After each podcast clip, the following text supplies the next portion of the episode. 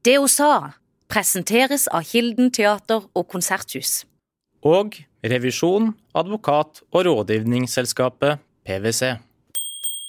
Jeg kjenner jo ennå at det kan, selv om det er syv-åtte år siden det liksom skifter nå, så kan det ennå litt sånn jeg vet ikke, kanskje irritere meg eller stikke litt i meg når noen sier 'ja, er ikke du hun derre politikeren'? Det er bare sånn nei, jeg er ikke det. Jeg er ikke det. For det ble veldig viktig for meg eh, å være noe annet enn det.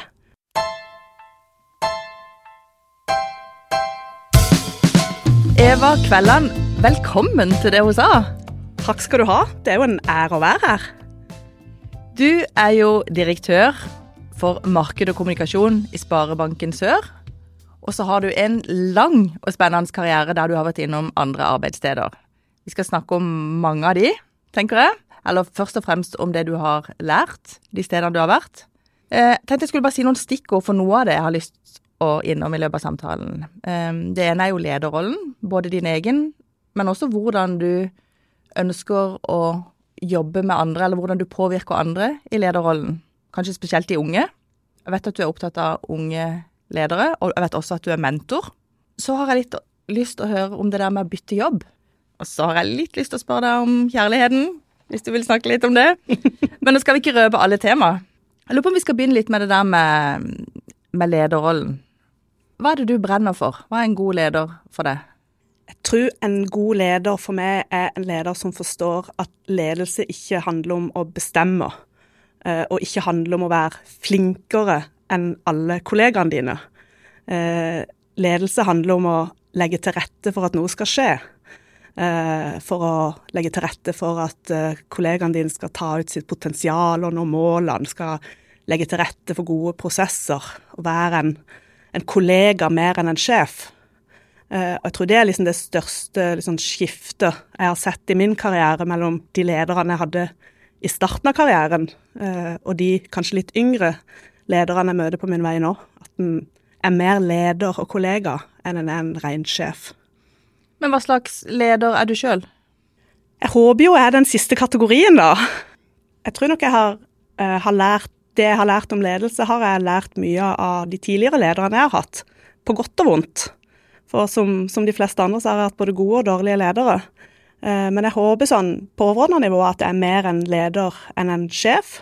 Eh, jeg tror jeg er en som, eh, som, gir stor frihet, men samtidig stiller ganske tøffe krav, for de to tingene må henge sammen.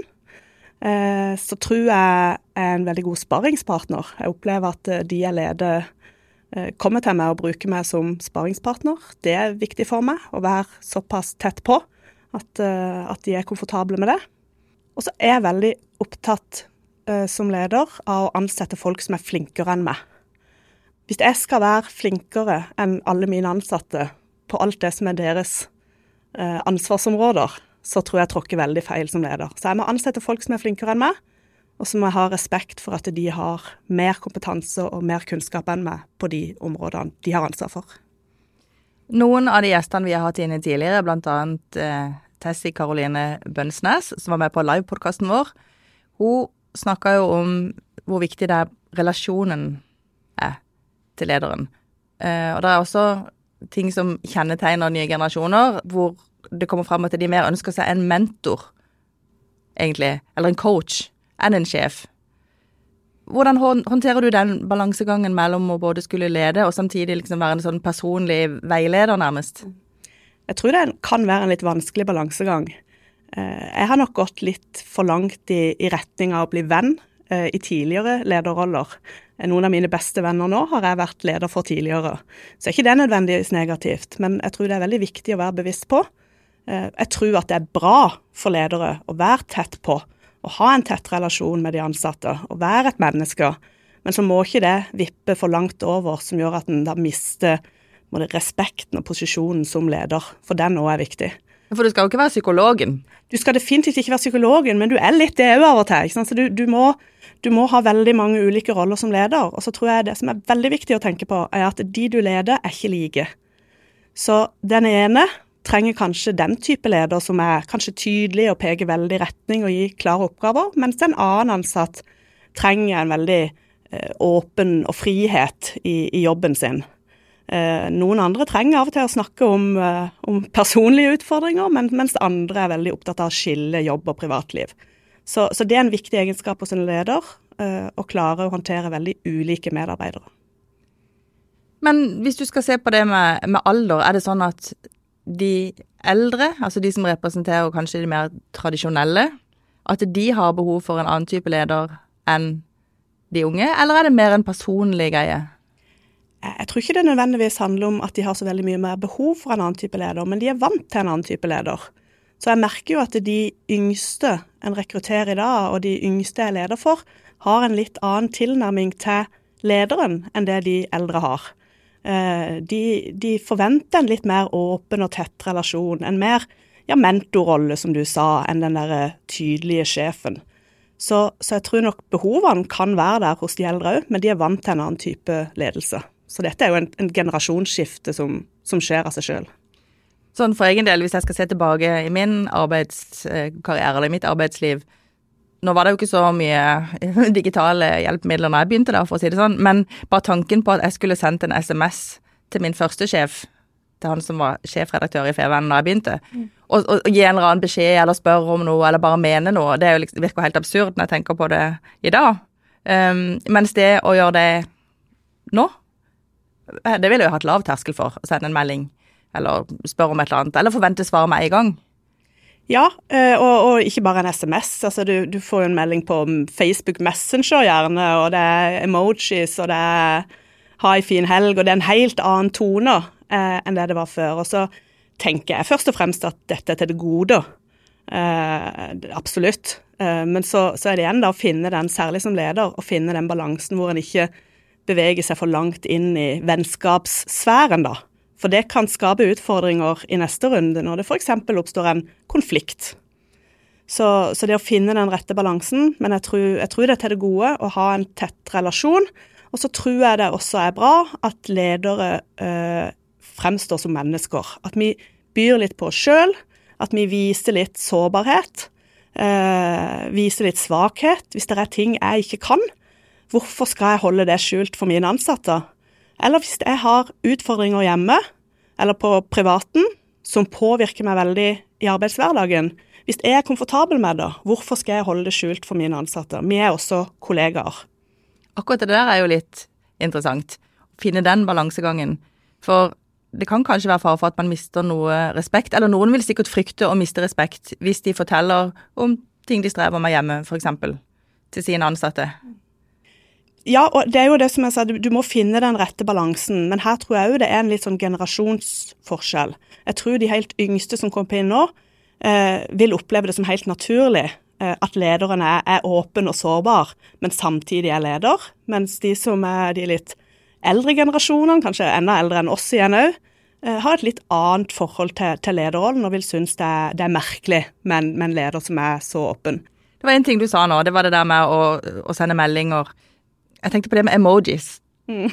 Jeg en, eller jeg hadde en ansatt som jeg sendte en melding til nokså sånn kjapt, og så fikk jeg, og det var bare en helt grei beskjed, og så fikk jeg melding tilbake. her. er du sinna?' Og jeg bare 'nei, hvorfor det?' Og han bare 'jo, men du skrev ikke noe emojis, du skrev ikke smilefjes'. Ja. Og så har jeg sjøl en leder som jeg vet er livredd for å bruke emojis, for han er så redd det skal bli feil. når du eh, sender ut beskjeder, når du skal informere om noe, bruker du emojis? Ja, jeg gjør det. Eh, så har jeg sikkert litt å lære om, om hvordan jeg skal bruke de riktig. Eh, jeg var jo også på en av dine kolleger hadde emojis-kurs her, her, for litt siden, og, og, da lærte jeg litt om, om hva emojisene betyr. Men, men, for meg så handler bruken av emojis først og fremst om å få inn det du mister med en skriftlig kommunikasjon. Når en sitter ansikt til ansikt, så har du ansiktsuttrykk, du har toneleie, du har kroppsspråk, og det mister du fullstendig i skriftlig kommunikasjon. Så, så, så det er det emojis er for meg. Så når jeg sender en, en mail til, til, alle mine ansatte, f.eks., så legger jeg gjerne på et smilefjes eh, for å vise at eh, dette, dette, er en god nyhet, eller dette mener jeg positivt, eller så det jo, kan det jo være det motsatte òg, at, at ting skal være strengt eller skal være noe negativt. Så, så må du jo finne den rette emojisen, men, men det er det emojis er for meg. Men jeg vet at du er opptatt av språk, og du er veldig god til å skrive sjøl. Du har også vært spaltist i Fevennen. Mm. Du tror ikke at det der eh, med å bruke så mye emojis også gjør at vi eh, mister noe i, i språk? At vi på en måte ikke tør å stole på at språk og ord er nok? Eh, jeg tror at språk og ord er nok i mange sammenhenger, men, men, vi vet jo at det er mange andre ting vi legger til når vi har muntlig kommunikasjon, når vi står ansikt til ansikt. Så står ikke språk alene der heller, selv om ikke vi har emojis.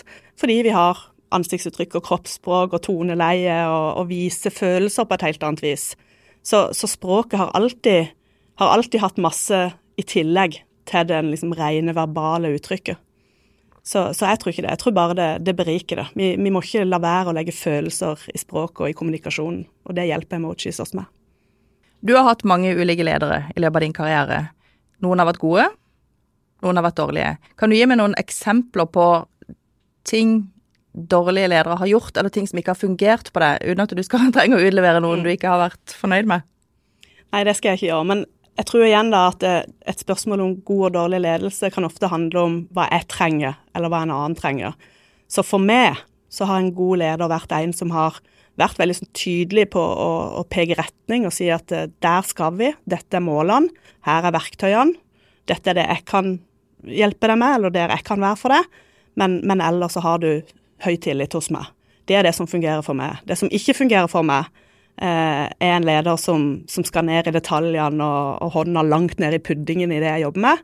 Eh, også er det også en leder eh, som ikke kanskje har min fagkompetanse, men allikevel mener veldig mye om det.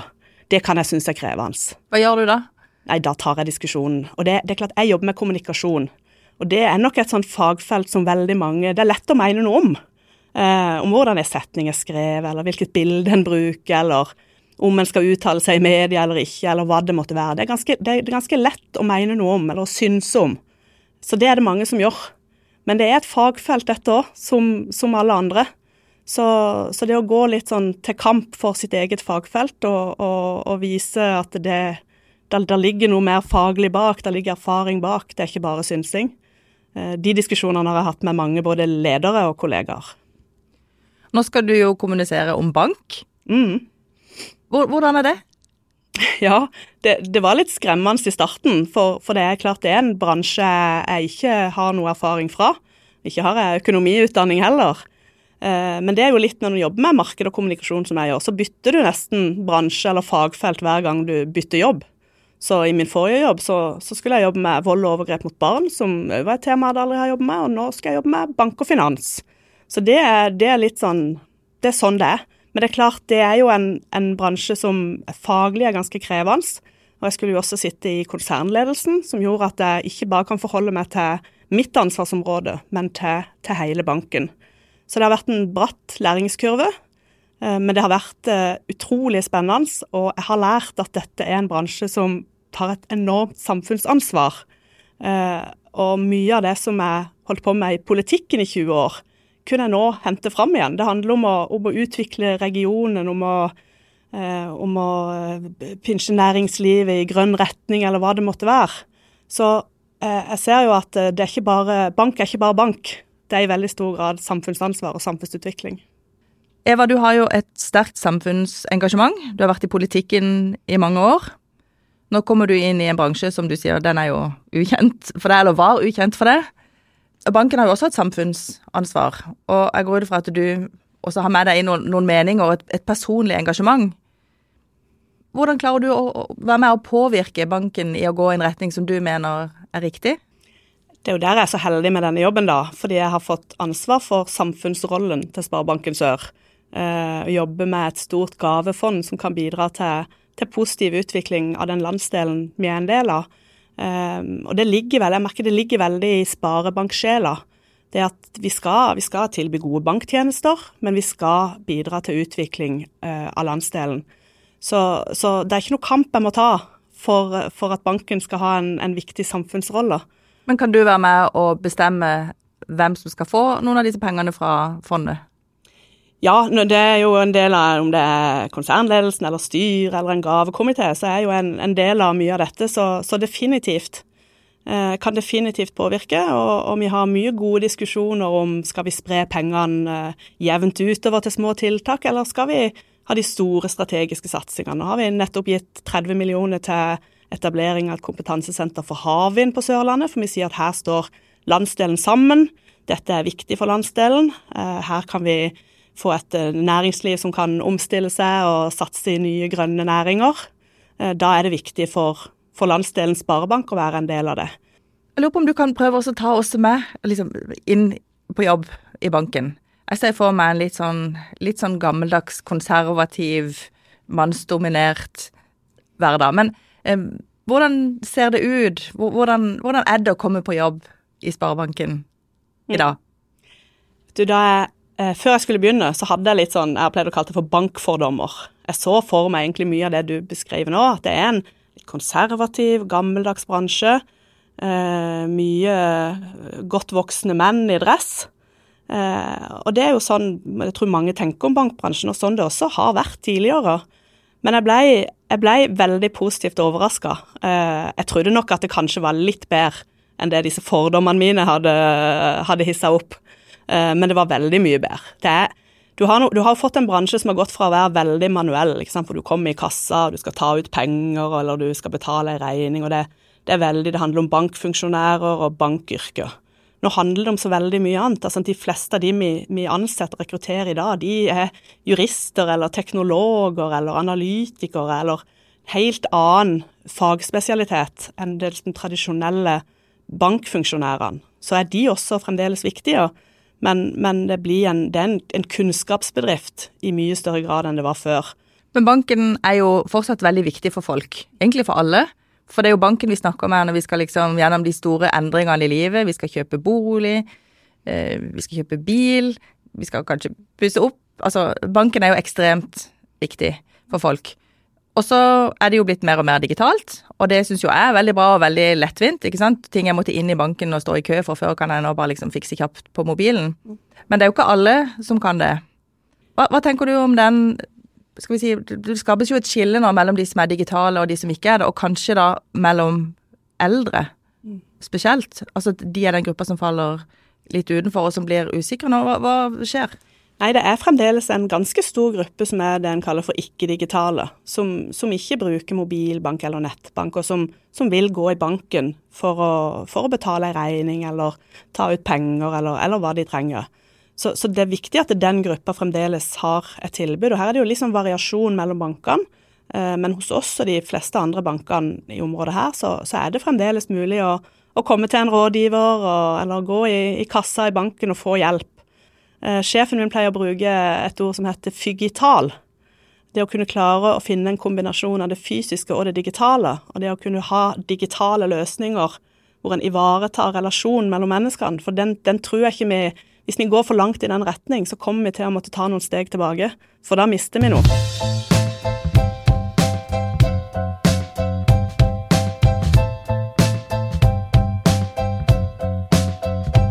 Eva, du er mentor, vet jeg. Ja. Og det henger jo sammen med at du er engasjert i unge, og å bygge opp de unge. Fortell litt om den rollen. Ja, jeg er mentor eh, i Trainee Sør. Har vært det siste ja, drøye året, må det være. Og, selv om hun, er, hun, har vært mentor for når jeg er ferdig i Trainee Sør, så har vi fortsatt mentorrelasjonen. Eh, det har vært veldig spennende. Eh, jeg håper jeg har vært en god samtalepartner eh, for henne. Eh, og kanskje gitt noen gode råd og, og hjulpet henne litt på veien. Hun sier at hun ranter eh, overfor meg. Dette er jo Tessie, da, som, som, har vært med i denne podkasten eh, tidligere. Uh, og, men jeg tror at det, det, hun kanskje ikke har sett, er hvor mye jeg har lært av henne. Uh, og kanskje hvor mye jeg har innsett at jeg, at jeg, ikke er så ung lenger. For hun er i, i midten av 20-årene uh, og, og, har en helt annet forhold til arbeidslivet enn det jeg har hatt. Et helt annet forhold til teknologi enn det jeg har. Så, så hun har lært meg veldig mye. Det har, har vært en, en viktig output for meg av den mentorrelasjonen. Er ikke det litt rart å plutselig være på den sida, at du er den erfarne som de kommer til? Veldig rart. Eh, det er, jeg, jeg, tenkte jo lenge at jeg fremdeles var ganske ung i arbeidslivet, men, men jeg er nok ikke det, har jeg innsett. Kan være litt sånn vanskelig noen ganger der å håndtere, for jeg kan være sånn at jeg føler meg fremdeles liksom litt sånn ung og lovende. Ja, ja, ja. men jeg innser jo etter hvert at nå er jeg liksom gått litt over på, på andre sida. En er jo det, og jeg, ser, jeg, blir jo sånn, jeg blir jo helt skremt når jeg ser til å ansette folk som jeg kunne vært mora til. Eh, og, men, men en må bare en, en, må ha et forhold til det som at dette kan en faktisk lære noe av. For det at den generasjonen som kommer inn nå, eh, de har et litt annet forhold til arbeidslivet, de har et annet forhold til teknologi. Eh, og skal jeg både være leder for den generasjonen og jobbe sammen med den generasjonen, så må jeg forstå de og lære av de. Og det har jeg gjort av, Tessi i det mentorforholdet vi har hatt. Hvis du skal gi noen eksempler på ting du har lært, eller noen aha-opplevelser du har fått, hva vil det være? Jeg tror kanskje først og fremst det handler om hvor lite jeg egentlig forstår av hvordan de yngste bruker sosiale medier og teknologi. Eh, de er ikke så glad i å ringe telefonen, har jeg lært. De vil helst sende meldinger. Eh, de, de, har nok et forhold til, til, jobb som jeg tror er ganske sunt, og som jeg tror vi også har lært noe av i pandemien. At jobb er noe du gjør. Det er ikke et sted eller ei tid. Så, så hvor du jobber, eller når du jobber, så, så skal en ikke dra det til det ekstreme, men det er underordna hva du faktisk gjør. Så den, skal, vi, skal, vi, ha den generasjonen med oss inn i arbeidslivet, så må vi forstå dette. Og jeg tror kanskje at, uh, at pandemien og det som nå er liksom det postpandemiske arbeidslivet, har, har, gitt oss litt sånn dytt i ryggen på dette. For nå vet vi at det er mulig å jobbe hjemmefra, vi vet det er mulig å, å jobbe via Teams og, og til litt litt andre tider på døgnet enn det som alltid har vært før. Hva, hva syns du er det beste med den tida vi er i nå, altså etter pandemien, og etter at det har blitt mer fleksibilitet, kanskje? Hva, hva, er det beste? Jeg tror for min del så, så, er tanken på å ha den friheten og fleksibiliteten og, og det å kunne ha hjemmekontor neste er viktigere enn, en det å faktisk gjøre det. For jeg, for jeg bruker ikke så mye hjemmekontor. Men, men, det å ha den muligheten. Sånn rent sånn praktisk så tror jeg det er mer det at vi har slutta å bruke så mye tid på å reise og frakte oss sjøl fra A til B. Altså, jeg har hatt mange tilfeller opp igjennom hvor jeg har flydd til Oslo for å ha et møte i én time, og så flydd hjem igjen. Og det er jo både bortkasta tid, det er dårlig for miljøet, eh, og det er stressende. Nå vil det ikke vært en diskusjon engang. Nå skjer sånne møter på Teams. Hvilke friheter gir du til dine ansatte? Eh, jeg gir så mye frihet som, som de ønsker, stort sett. Eh, så lenge de leverer på de oppgavene og de målene som er satt, så legger jeg meg ganske lite opp i hvor de jobber og hvordan de jobber. Og så har vi, som alle andre arbeidsplasser, noen systemer i, i, bedriften som regulerer hvor mye hjemmekontor en skal bruke, og hva slags utstyr en skal hjem og vil skal på kontoret. Men, men jeg tror at det å gi denne friheten det er bare positivt. Og så er folk forskjellige. Noen håndterer det dårlig og trenger å sitte på kontoret og jobbe fra åtte til fire. Andre presterer best hvis de har full frihet og stor fleksibilitet. Det, det med unge versus eldre eller nye generasjoner, det blir, det blir litt rød tråd her òg. Um, vi vet at folk tidligere de har jo ofte vært i samme jobb lenge. Og det har jo også blitt løfta fram som en veldig bra ting. Folk har fått, ja, de får gullklokke, og de blir, får kanskje en reportasje i avisen fordi de har vært 50 år på samme arbeidsplass osv. Der vet vi at det er en endring på gang. Um, du har bytta jobb flere ganger. Fortell. Det har jeg. Jeg kommer ikke til å få noe gullklokke eller eh, oppslag i, i FVN om at jeg har vært lenge i en jobb. Nei, det er jo et, er jo et skifte her. Det ser vi jo. Det er, det er færre som er hele livet i samme jobben. Eh, så kan en sikkert diskutere at det har både positive og negative sider. Men eh, jeg bestemte meg da jeg var kanskje rundt 25, at jeg skulle ikke være lenger i en jobb enn fem år fram til jeg fylte 40. Hvorfor ikke? For at jeg ikke skulle sette meg fast for tidlig. For at jeg skulle få den karriere Jeg, var jo nok litt ambisiøs. Jeg hadde lyst på en karriere. Jeg hadde lyst på, på ansvar og lederroller. Så, så, jeg bestemte meg for at det da krever det at jeg får, får noe utvikling litt tidlig, og ikke setter meg fast i den første jobben. Så, og det, det, gjorde jeg. Nå er jeg jo uh, runda 40 med god margin, så nå kan jeg bli værende. Men, uh, men, jeg var ikke lenger enn fem år i noen jobb fram til jeg ble 40. Eh, og det tror jeg var veldig fornuftig av meg. Det ga meg uh, masse muligheter, masse læring, masse nytt ansvar. og så er, er det ikke likt for alle. Eh, noen er i yrker hvor det er mer naturlig å være lenge i en jobb, og noen er også på arbeidsplasser hvor du kan ha en karriere på arbeidsplassen. På store, Sparebanken Sør er jo et sånt eksempel. Vi er store nok til at det er mulig å ha intern mobilitet og en karriere internt. Så, så her er det ikke noe sånn fasit, men, Men eh, mitt råd til, til, de som er unge og, og nye i arbeidslivet, det er jo å eh, ikke sitte for lenge, for tidlig i arbeidslivet. Bytt jobb. Når er det for seint å bytte jobb? Det er aldri for seint. Og så er det, det er klart at det er, det er nok mer krevende så lenge en har vært et sted. Så kjenner en på den der trygghetsfølelsen, og så er det litt vanskelig og litt skummelt å gå videre. Og så vet vi jo at jo eldre en blir, så er det i en del bransjer det er vanskelig å få ny jobb. Eh, jeg snakker ofte med, med mennesker som er, kanskje har under 60, og som, kvi, som, kanskje har lyst til å bytte jobb, men som kvier seg for det.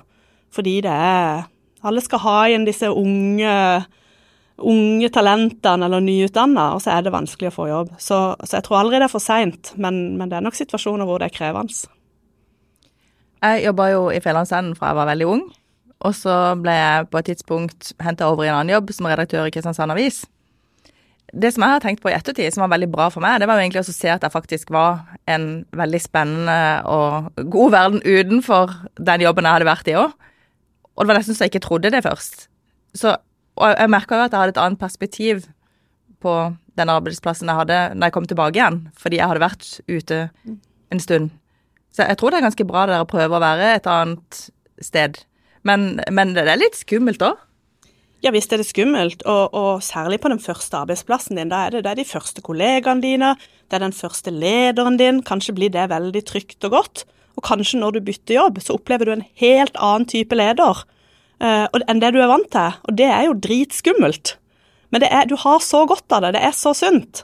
Så, så, jeg skjønner at noen kanskje kan bli provosert av at jeg sier at de unge bør bytte jobb etter de har vært i x antall år et sted, men jeg tror en har godt av det. Og så har arbeidsplassen òg godt av det. Sende folk videre og få inn nye. Så, så, så litt mobilitet, eh, det er ikke bare negativt, altså. Men er det sånn at mange blir for lenge i den jobben de er? At de på en måte strekker seg litt for lenge, tror du, før de tar denne beslutningen om at nå, nå bytter jeg? Ja, det tror jeg absolutt. Eh, og så gjelder ikke det nødvendigvis de helt unge. Det kan godt være kanskje mer folk i vår alder som, som drar det for langt, og så til slutt så er det sånn nei, nå, nå er det jo bare noen år til jeg skal pensjonere, så nå er det ikke noen vits i å bytte. Skal, men skal du da gå resten av livet ditt i en jobb du mistrives i? Fordi du opplever det for seint å bytte, eller det er så trygt og godt å være der. Så, så, det er jo ofte Dette handler jo om å bevege seg litt ut av komfortsona, men særlig tidlig i livet så har en godt av det for karriereutviklingas del. Jeg tror litt seinere i livet så har en ofte, skal jeg ikke generalisere her, men ofte godt av det av litt mer sånn personlige hensyn. En har godt av å skifte miljø og skifte kollegaer og komme, få litt sånn ny, eh, ny energi inn i karrieren. Hva er det som er hoveddriveren hos deg når du bytter jobb?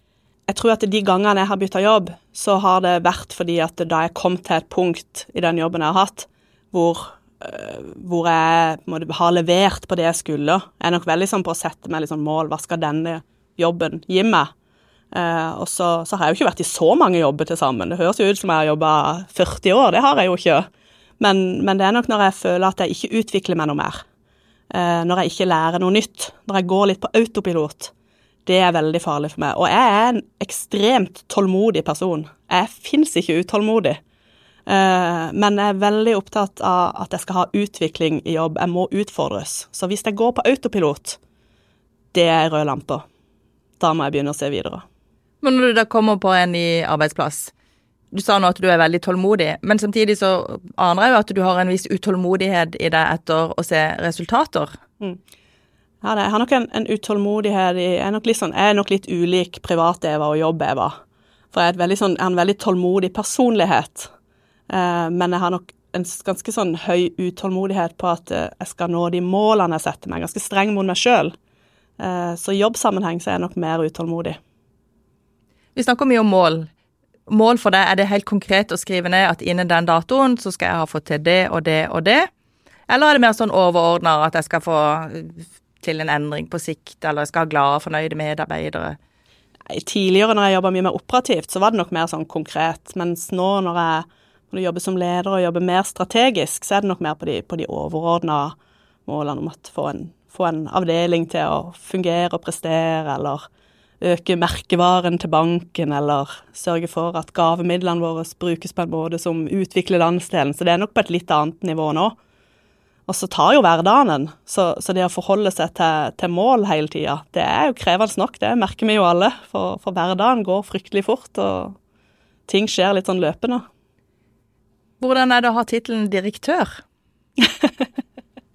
jo, det Bruker du det? Signerer du med liksom direktør Eva Kvelland? Ja, det signerer ikke med det sånn, eh, sånn manuelt. Det gjør jeg ikke. men det er jo litt morsomt. Eh, det er jo det, men eh, det, jeg tror det holder at det står i signaturfeltet på e-posten. Ja. Men var det litt stas? Akkurat tittelen var ikke så veldig stas, men det var stas å få den jobben. For det er ikke så veldig mange av de stillingene her i landsdelen hvor en, hvor en får jobbe i en så stor bedrift som har så stor betydning for for folks hverdag og for utvikling av regionen. Så, så det, var, det, var, stas, og det var stort å få den, den stillinga. Og jeg, jeg jobba foran. Det var, en, det var, en, lang ansettelsesprosess. Jeg tror jeg hadde, var på fem intervjuer. Så, så når jeg først landa den, så følte jeg hadde jobba for det.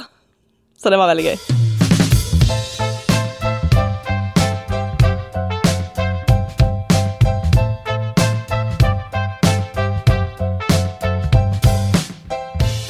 Notert meg en overskrift her, som er 'kvinner og økonomi'.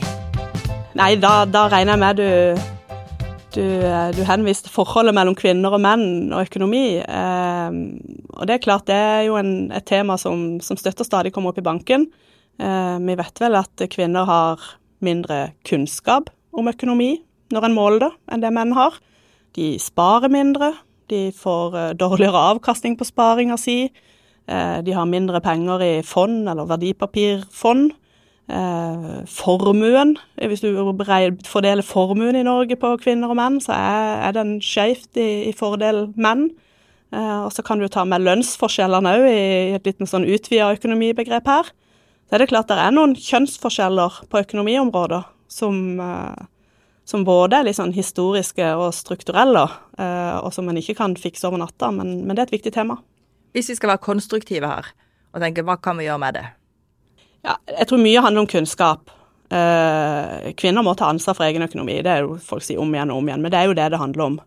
Eh, og du kan ikke nødvendigvis tvinge det fram, men det handler om å få opp kunnskapen. Eh, hvis en er satt i stand til å ta kloke økonomiske valg, så er det også mye lettere å gjøre det, og ikke bare følge i den litt sånn tradisjonelle, sånn hadde alltid vært gjort, det er mannen som er finansministeren i huset. Så jeg tror mye handler om kunnskap. Eh, og så tror jeg ikke det er sånn at dette er et helt sånn statisk bilde. Dette er i endring. Eh, kvinner er mer opptatt av økonomi. Du har eh, du får nye generasjoner inn som forholder seg til det på et annet måte. Så jeg tror også vi må ha litt tålmodighet. For det, her, har du, her, har du, generasjoner på generasjoner hvor dette ligger i både kulturen og strukturene og holdningene.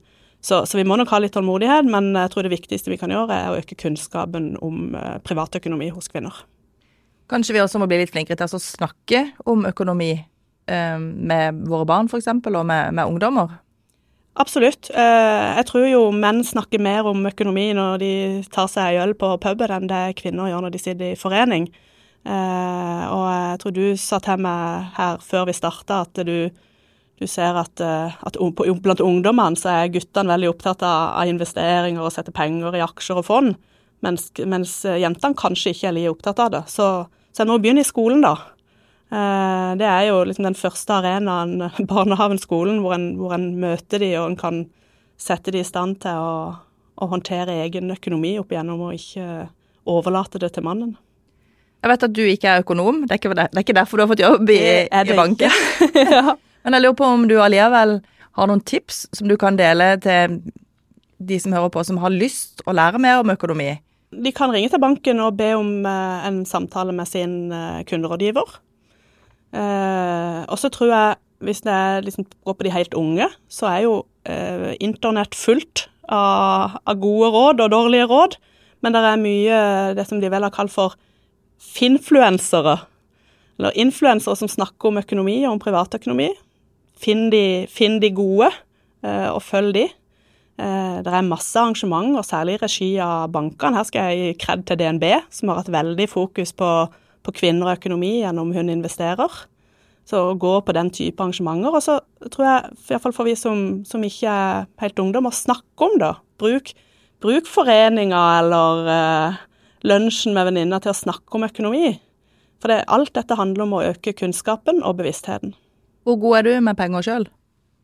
Tror jeg er sånn, er sånn middels eh, Jeg har jo stort sett levd alene, så jeg har ikke hatt noen mann å dytte det over på. Så jeg har jo vært min, min egen finansminister. Så jeg tror jeg er sånn, sånn på, på medium, men, men, jeg har jo også blitt mer bevisst etter jeg begynte å jobbe i bank og fikk det litt sånn tettere på. Så da, det var noe potensial jeg ikke hadde tatt ut. Men driver du og investerer og sånn? Eh, jeg sparer i fond, i alle fall. Eh, det gjør jeg. Så litt sånn min egen private pensjonssparing har jeg. Mm. Du, nå ga du meg en liten anledning til å spørre deg om kjærligheten. For jeg har nemlig intervjua deg for en del år siden, og da var du opptatt av at de måtte ha mer fokus på eneboere. Um, på at liksom, det er tross alt en stor andel um, både menn og kvinner i Norge som um, er single, og som bor alene. Mm. Mens du mente at systemet eller samfunnet på en måte var organisert inn nærmest mot kjernefamilien. Ja. Men vi skal ikke snakke om det nå. Men uh, jeg vet at du uh, har møtt kjærligheten. Ja. Jeg bor fremdeles alene. Så jeg er fremdeles eneboer, men, uh, men jeg er ikke helt alene lenger, nei. Så det er veldig hyggelig. Det er veldig hyggelig. Det betyr at du òg må bli litt mer bevisst på dette med økonomi og finne gode ordninger og kontrakter osv. Mm. Eh, hvor viktig er det, sånn sett i et større perspektiv? Nei, det, det er jo veldig viktig. Eh, og kanskje særlig nå når vi skal vi har kjøpt oss hus nå og skal, skal flytte sammen og, og merge to husholdninger, så, så, er det kanskje vel så viktig seinere, sånn, så seint i livet som vi er, enn det er tidligere. For nå er det veldig mye som er på plass. ikke sant? Har, en har hver sin sparing, en har, en har et helt annet system enn en hadde da en var 20. Ja. Så er det ikke alltid så himla lett å snakke om penger? Det er ikke veldig lett. Det er ikke det. Men uh, Men du har alle forutsetninger? Jeg har jo det, så det, vi, vi snakker godt om det. Så det skal nok gå greit. Eva, er det noen ting i livet ditt som har vært såpass viktig at de på en måte har endra alt? Jeg tror ikke det er de store tingene som har endra alt. Eh, det tror jeg ikke. Jeg tror jeg har hatt ganske god sånn flyt i livet. Jeg tror kanskje det som har, har eh, påvirka meg mest, eller endra meg mest i livet, har vært denne overgangen mellom politiker-Eva og privat-Eva. For jeg var politiker i 20 år. Eh, det påvirka livet mitt noe helt enormt. Det var selv privat-Eva var politiker-Eva. Det var det jeg gjorde døgnet rundt, og da ble jeg den personen.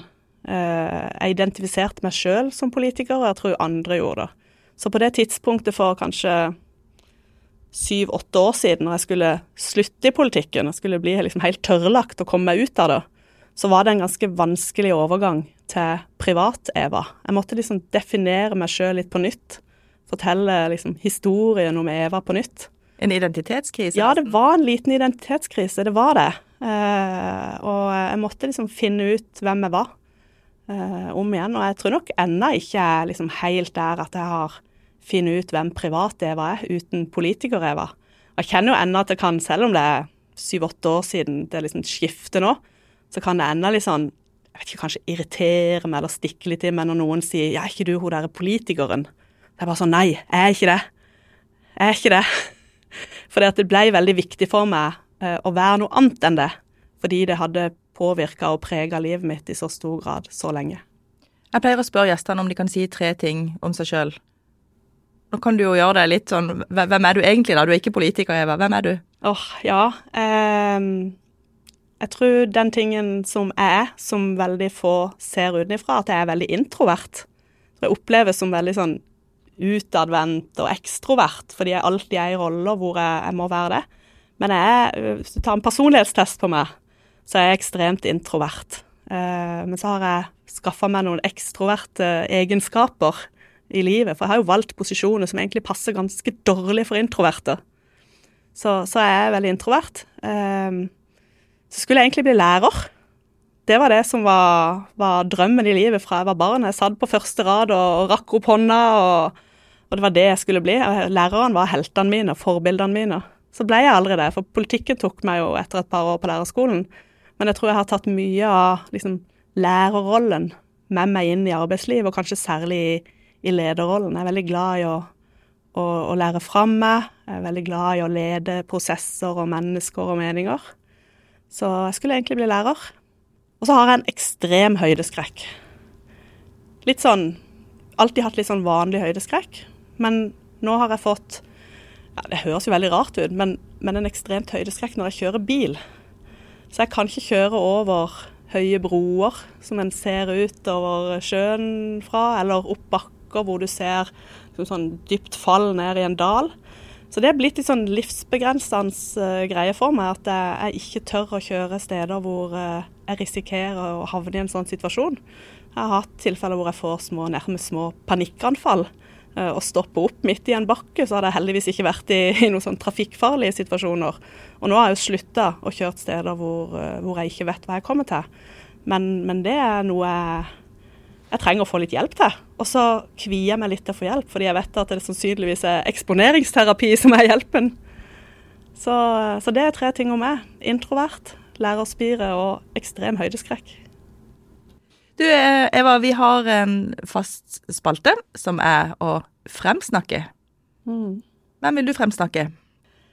Det er så mange en kunne fremsnakka. Eh, men jeg har valgt å fremsnakke Solveig Nilsen hun er daglig leder på Bølgen bærekraftsenter, eh, og er en av de tøffeste damene jeg kjenner. Hun er ikke veldig sånn typisk sørlandsk, som en ofte kaller det, et uttrykk en bør slutte å bruke for øvrig. Eh, hun sparker inn dører, hun er utrolig uredd. Hun, gir, hun satser 140 selv der risikoen er høy og framtida er veldig usikker. Så en fremsnakk til Solveig, som er en av de tøffeste og mest eh, uredde damene vi har her i byen. Hun burde også gjeste podkasten en gang. Bra tips. Nå har du fremsnakka noen, men hvis du skulle ha sett for deg at du skulle baksnakke deg sjøl, hva hadde du sagt da?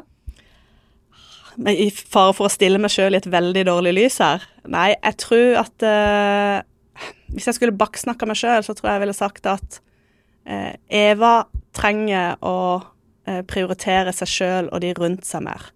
Hun har en tendens til å velge jobb, og det går utover noe.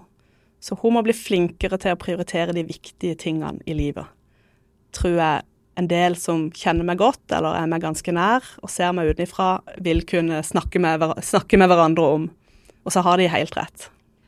Eva, hvilke ord og uttrykk vil du ha kvitta deg med, hvis du fikk muligheten? Du, da ville jeg kvitta meg med eh, omtalen av Sørlandet og sørlendinger.